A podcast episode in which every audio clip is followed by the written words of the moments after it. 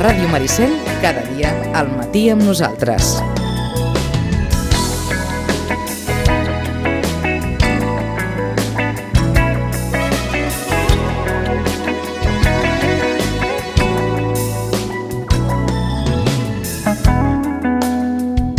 Onze i 39 minuts, gairebé això, gairebé 20 minuts per arribar a les, eh, a les 12 i els 20 minuts finals d'aquest programa que els dedicarem, com sempre, eh, com cada 15 dies, millor dit, a repassar l'agenda de les eh, biblioteques de Sitges. I avui, doncs mira, escolta, mm, com deia aquell, encantats de tornar-te a veure. Marta, Igualment, igualment, i tant. moltes gràcies, Marta Sánchez, per, per, per estar aquí, doncs, finalment, després de, de setmanes de, de veure'ns a través de les, eh, de les pantalles i per tant doncs això, els veïns de la biblioteca doncs que, que ens pugueu venir a explicar mm, les, eh, les activitats que m'imagino mm, i eh, l'últim dia amb la Sonsoles ja, ja més o menys ho comentàvem, es començava a intuir sobre l'horitzó Sant Jordi, oi? Sí, sí, llavors fa 15 dies s'intuïa, ara ja, ja el tenim aquí. Ara ja, ara ja ve, Sí. ja ve, sí, de fet falta un mes, menys d'un mes ja per arribar, per arribar a Sant Jordi. Doncs bé, Doncs sí. què, què tenim per aquests dies? A veure. Doncs bé, de moment és unes prèvies a Sant Jordi, per tant, de moment encara estem amb aquest final de març que, en fi, que encara arrastrem coses també del Dia de la Dona, que com hem dit, doncs, ho allargàvem durant tot el mes, per tant anem a fer un repàs de, de tot el que tenim preparat. Endavant. Doncs el dimecres, avui és dimarts, demà, demà a, la, a dos quarts de sis de la tarda a la Biblioteca Santiago Rossinyol tenim l'Hora del Conte, mensual. Tindrem Encendre la nit a càrrec de la Sandra Rossi, una narradora que ve sovint a les dues biblioteques i que ens agrada molt i molt com ho fa i que li tenim molt de carinyo. Doncs la Sandra Rossi ens explicarà això, Encendre la nit. La Laura no pot dormir i quan li passa això, ella treu el cap per la finestra i contempla les estrelles. A la Laura li agrada moltíssim la nit i les estrelles. En canvi, al Pol li passa ben bé al contrari, que tan bon punt es fa fosc, ell encén tots els llums de casa. I ara, mm. clar, hi ha un problema. Al Pol la nit no li agrada gens, però un dia a mitjanit la Laura i el Pol tindran unes visites sorprenents. Val. És l'hora del conte, recomanada a partir de 3 anys, un públic familiar, i també recomanem doncs, aquesta puntualitat que, que es compleix i que agraïm. El dijous 24, a dos quarts de set de la tarda, també a la Biblioteca Santiago Rossinyol, tenim una xerrada d'aquestes que comentava, que encara té aquest, aquest deix no? del Dia de la Dona, i aquesta xerrada es titula Sitgetanes que mereixen un carrer. Es tracta d'aquesta proposta no? de canvi de, de nom d'alguns carrers de Sitges, que serà un procés llarg i participatiu, però el que volíem fer des de la biblioteca és, a part de donar a conèixer aquest, aquest projecte, donar a conèixer també i donar rellevància a aquestes dones, a aquestes sitgetanes, que s'ha considerat que mereixen tenir un, un nom de carrer i el per què no? de, de buscar aquesta equitat, aquest equilibri entre noms de carrers dedicats a homes i dedicats a dones que no siguin santes ni verges. Exacte. Sí, sí, exacte. Si descontem les santes i les verges, eh, els homes no és que guanyin per col·legiada, és que les dones són gairebé invisibles en Exacte. el nomenclatura de Sitges. Exacte.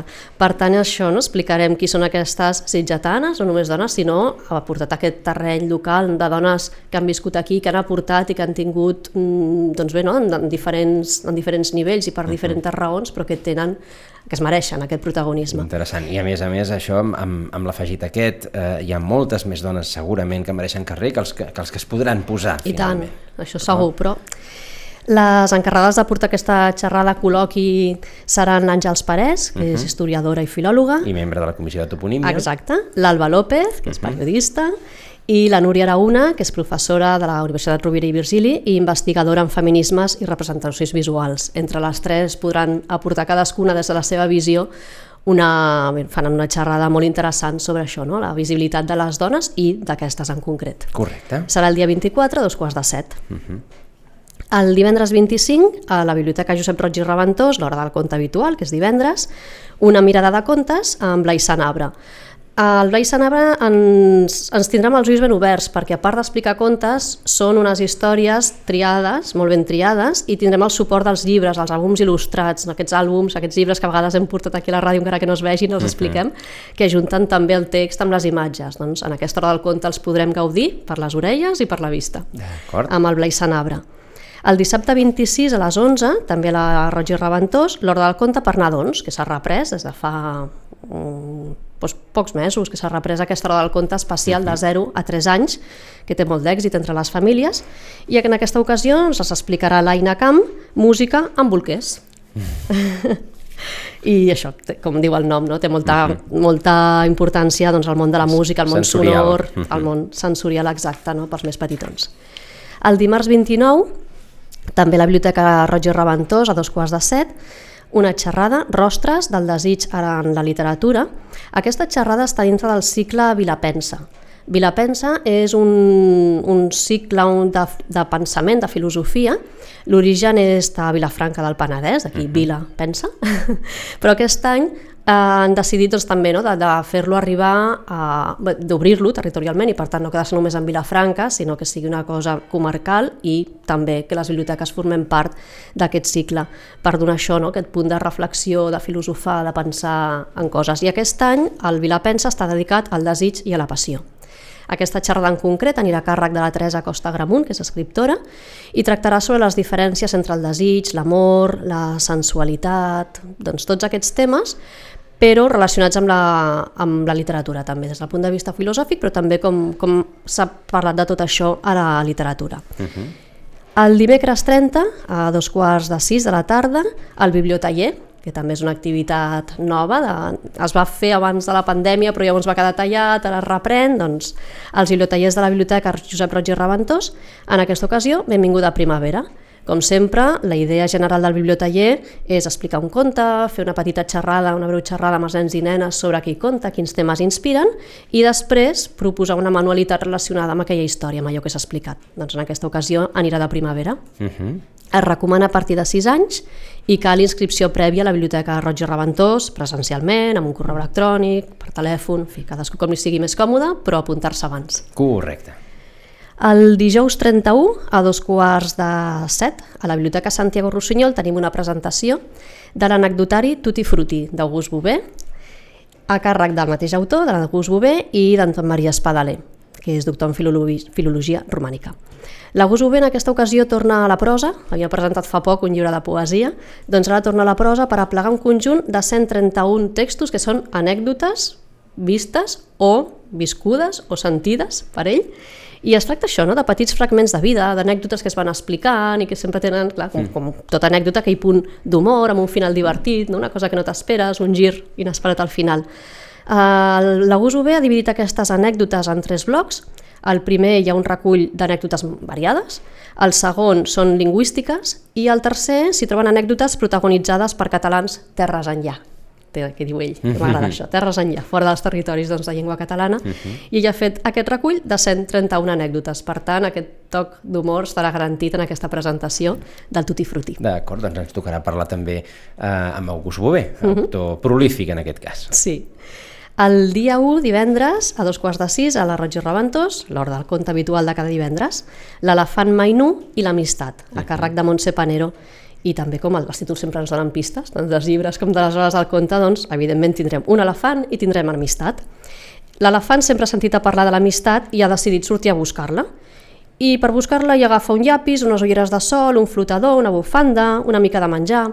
La Montse Panero ens ha dit que aquest és un conte molt animal per descobrir qui és i quin peu calça la tan anomenada amistat. Una història, doncs, per educar no? en, en valors sobre la solidaritat, l'amistat, doncs, aquests temes que als nens els hi toca molt a prop perquè no? tots, tots són amiguets i tenen amiguets i amiguetes, doncs ben bé què, què és això de l'amistat. Ells en saben molt d'això. I també recomanat a partir de 3 anys. Eh, per, ac ah, no, per acabar no, encara me'n queden dues. Déu-n'hi-do. El divendres dia 1, a dos quarts de set a la Biblioteca Santiago Rossinyol, tornem a fer un, una xerrada dintre d'aquest cicle Vilapensa que us comentava, dedicat a la passió i al desig, i en aquest, en aquest cas el títol és El punt de vista filosòfic de la passió i el desig. Anirà a càrrec de Fèlix Pardo, que és professor de filosofia a l'Institut Mila i Fontanals de Vilafranca, i és màster també de secundària de la Universitat, de, és professor de, de màster de, de la Universitat de Barcelona. És una xerrada sobre la importància d'això de la passió i del desig a les persones, fent una mirada retrospectiva des de Plató fins a Epicur, Spinoza, Freud, o sigui, com han vist diferents filòsofs, com han, no? com, com han captat i com han explicat què és la passió, què és el desig i com a les persones doncs, ens influeix tant no? aquests uh -huh. sentiments o emocions o aquestes passions. Hi haurà també una reflexió sobre les transformacions del control social a partir del Gaudi, no? des de la repressió sexual fins a aquest imperatiu social de Gaudí. -huh. Doncs serà tota una, una interessant reflexió filosòfica al voltant d'aquests temes, el dia 1 a dos quarts de set. I ara sí, per acabar aquesta quinzena, uh -huh. el dijous dia 7, a dos quarts de set, a la Biblioteca Santiago Rossinyol, una nova sessió del Liceu VIP, aquest projecte, en, en col·laboració amb el Gran Teatre del Liceu, i parlarem a Roger Alier. Roger Alier és un gran musicòleg i ell ens parlarà sobre un, un trio d'obres superimportants de Mozart, les nostres de Figaro, Don Giovanni i Cosi fan tutte, que formen part les tres doncs, de, de la programació del Liceu, i amb el Roger Alier doncs, se li podrà treure tot, a, tot el suc i tota la punta aquestes obres que són conegudes, però potser per molts no tant. Uh mhm. -huh. Doncs dos, eh, tres eh, peces eh, capdals de la, de la història de l'òpera i, i evidentment doncs, una persona absolutament de referència com Roger Alier per poder-les per poder-les explicar. Això és aquesta quinzena, que Això és aquesta quinzena, sí, i més tres exposicions, dues que encara les podem acabar de veure els últims dies, la mostra artística col·lectiva de pintura de la nostra terra, del mm-hmm. col·lectiu Blauet, que ho tenim al pati de la biblioteca, la mostra de llibres que commemorem els aniversaris, els 125 anys del naixement de Josep Carbonell i Gené i els 160 de Miquel Utrillo, a les vitrines de la Biblioteca Santiago Rossinyol, i la nova, que substituirà aquesta, a les vitrines, tindrem una mostra de llibres i fotografies amb el títol El, el Sitges desaparegut. Seran llibres i fotografies que ens convidaran a fer una passejada per un Sitges que ja no existeix, però que és bonic de veure amb fotografies en blanc i negre, no? de, de principis de segle o de més enllà quan la vela doncs, això era un petit univers tancat i, i tot just començava a obrir-se. Doncs tindrem aquesta mostra de, de fotografies i de llibres de l'1 fins al 30 d'abril. D'acord, doncs eh, aquestes són les, eh, les mostres, les exposicions que hi ha per aquesta quinzena a la biblioteca. Repetim, tot escalfant Sant Jordi. Exacte, sí, sí, ja tenim els contactes dels autors i autores sitgetans que han publicat un llibre d'ençà uh -huh. de l'últim Sant Jordi per poder ja doncs, anar preparant el, la graella de signatures a la parada de l'Ajuntament, en fi, tot això. Tot aquest, això. aquest ja serà un, el Sant Jordi més semblant a la normalitat. Sí, l'any passat, passat ja... Mm, ja, ja s'acostava, sí. però encara teníem allò, mm. una cert, un cert grau d'incertesa, aquest... Eh, encara que diguem el món s'està desplomant, eh, però mm, sembla, sembla que ens estem acostant a un Sant Jordi més normal, mm -hmm. és el que recordàvem fins al 2019. Exacte, sí, i és un Sant Jordi que per part de les biblioteques doncs, esperem amb molta, molta il·lusió. Mm -hmm. I què més ens portes, Marta? Us porto un, un servei nou, que és el préstec de tauletes a la biblioteca. Mm. És a dir, tenim dues tauletes que podem prestar prestar a dins de la biblioteca, no poden sortir d'allà, no, no, estan castigades. S'ha dir si, si poguessin sortir. Ai. No. no, però tot i, així, uh, tot i així les prestem o durant uh -huh. dues hores o durant tot el matí o tota la tarda, depèn de l'ús que, que cada persona doncs, pensi no? que, que, la, que ha de tenir. Uh -huh. Les prestem amb el carnet de biblioteca i amb un DNI, per més seguretat, uh -huh però bé, eh, són, són tauletes per navegar lliurement per internet, amb totes les eines relacionades amb biblioteca, la, el catàleg Biblioteques XBM, amb el catàleg per buscar llibres, eh, es poden consultar els diaris, per exemple, tota la premsa, en fi, obertes a internet, ara estic dient de la premsa, però tenen navegació per internet lliure. Uh -huh. El que no es poden fer són baixar aplicacions, però bé, un pot consultar el seu correu electrònic, en fi, tota una sèrie de serveis que cadascú doncs, li pot trobar la seva utilitat uh -huh. i, i això, doncs préstec de tauletes o de dues hores o de tot un matí o tota una tarda. D'acord, uh, per tant s'entén que uh, se li pot donar el mateix ús que se li pot donar als ordinadors uh, de consulta també, no? Sí, tenen alguna cosa més, més limitada, uh -huh. però sí, seria això, per consulta a internet, clar, el uh -huh. tema d'impressions, Clar, correcte, mm. sí, sí, però, mm-hmm. però en qualsevol cas doncs s'afegeixen aquestes, eh, a, a partir també de petició d'usuaris, de, de, de política de, de, de biblioteques de la Diputació? Com... Sí, això ha sigut un servei de biblioteques mm -hmm. de la mm-hmm. Diputació quan s'ha servit les dues, les dues tauletes sí. a, a totes les biblioteques, bueno, mm -hmm. depèn, nosaltres tenim dues, a Roig mm -hmm. en tenen una, però sí, sí, és a nivell de tota la xarxa. Mm -hmm. sí. Doncs eh, nou servei, i què més? Què més? He portat un parell de llibres Val, doncs tenim, tenim temps per, per recomanar-los. Són dues novel·les, uh mhm. -huh. són d'aquest últim lot, els lots són els llibres que ens arriben I, cada mes. Ens ho vas explicar, sí. ens ho vas explicar un dia, com funcionava això dels lots. Sí, doncs ens han arribat aquests dos i són els que he destacat. A veure. Un es titula Set i és de l'escriptora Amélie Nothomb. Uh -huh. uh, Set és, és l'Evangeli, és la història de Jesús vista des del seu punt de vista, és ell mateix qui ho explica, però és, eh, som, els personatges i les situacions són coneguts, però aquí se'ns narren des d'un punt de vista modern, amb un to líric i filosòfic, amb pinzellades d'humor. Jesucrist ens parla d'ell, no? de, de l'ànima, de la vida eterna, però també del cos i del present. Eh, ell és, eh, és un personatge visionari, reflexiu, però ell coneix l'amor, el desig, la fe, el dolor, la decepció, el dubte, totes aquestes coses, la Meli no top, no top ho passa pel seu propi filtre, no? posant-se en el lloc d'un Jesús mm, actual, mm -hmm. encara que la història és la que és, eh? però des d'aquest punt de vista, no tant de les, no? agafant el, el que està escrit a, a la Bíblia, però què hauria pensat, no?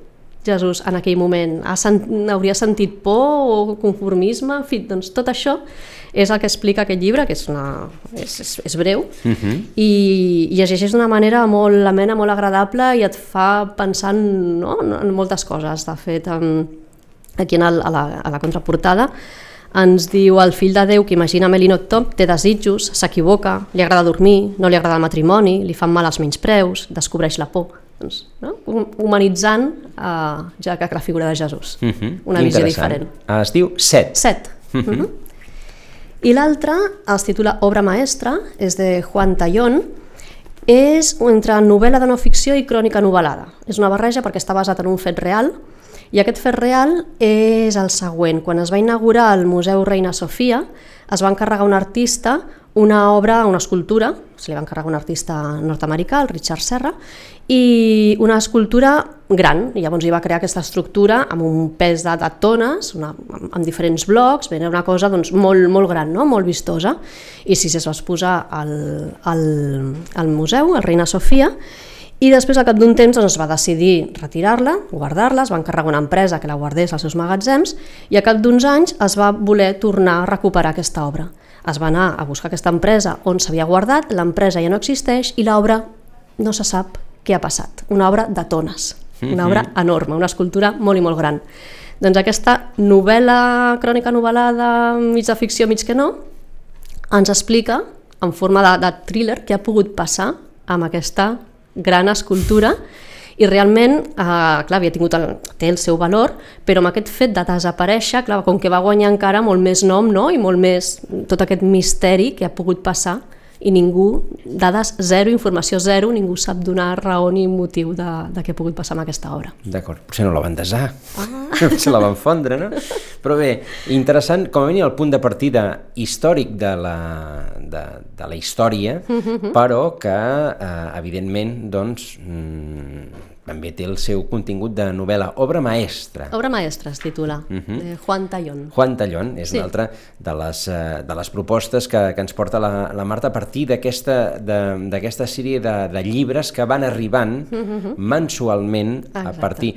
Uh, uns, uns són els que envien des de la Diputació i uns altres són els que trieu vosaltres per... Sí, de fet tots els triem, uns basats en una llista triada prèviament, aquests no, aquests sí que són triats doncs, bueno, per, per nosaltres mateixes amb, amb, amb llibres que pensem que, que poden que tenir són- sí, una, una, certa, una certa i- sortida i per tant doncs d'aquesta sí, sí, manera sí. I, i, um, i després la, la gent arriba, els demana o sigui, la, Sí. la gent va informada, no? entenc jo Sí, ben informada, n'hi ha que sí, n'hi ha que es deixen guiar, n'hi ha que pregunten, n'hi ha que ja porten la seva llista i llavors van preguntant, i aquest, i aquest, i aquest, i aquest, no? I...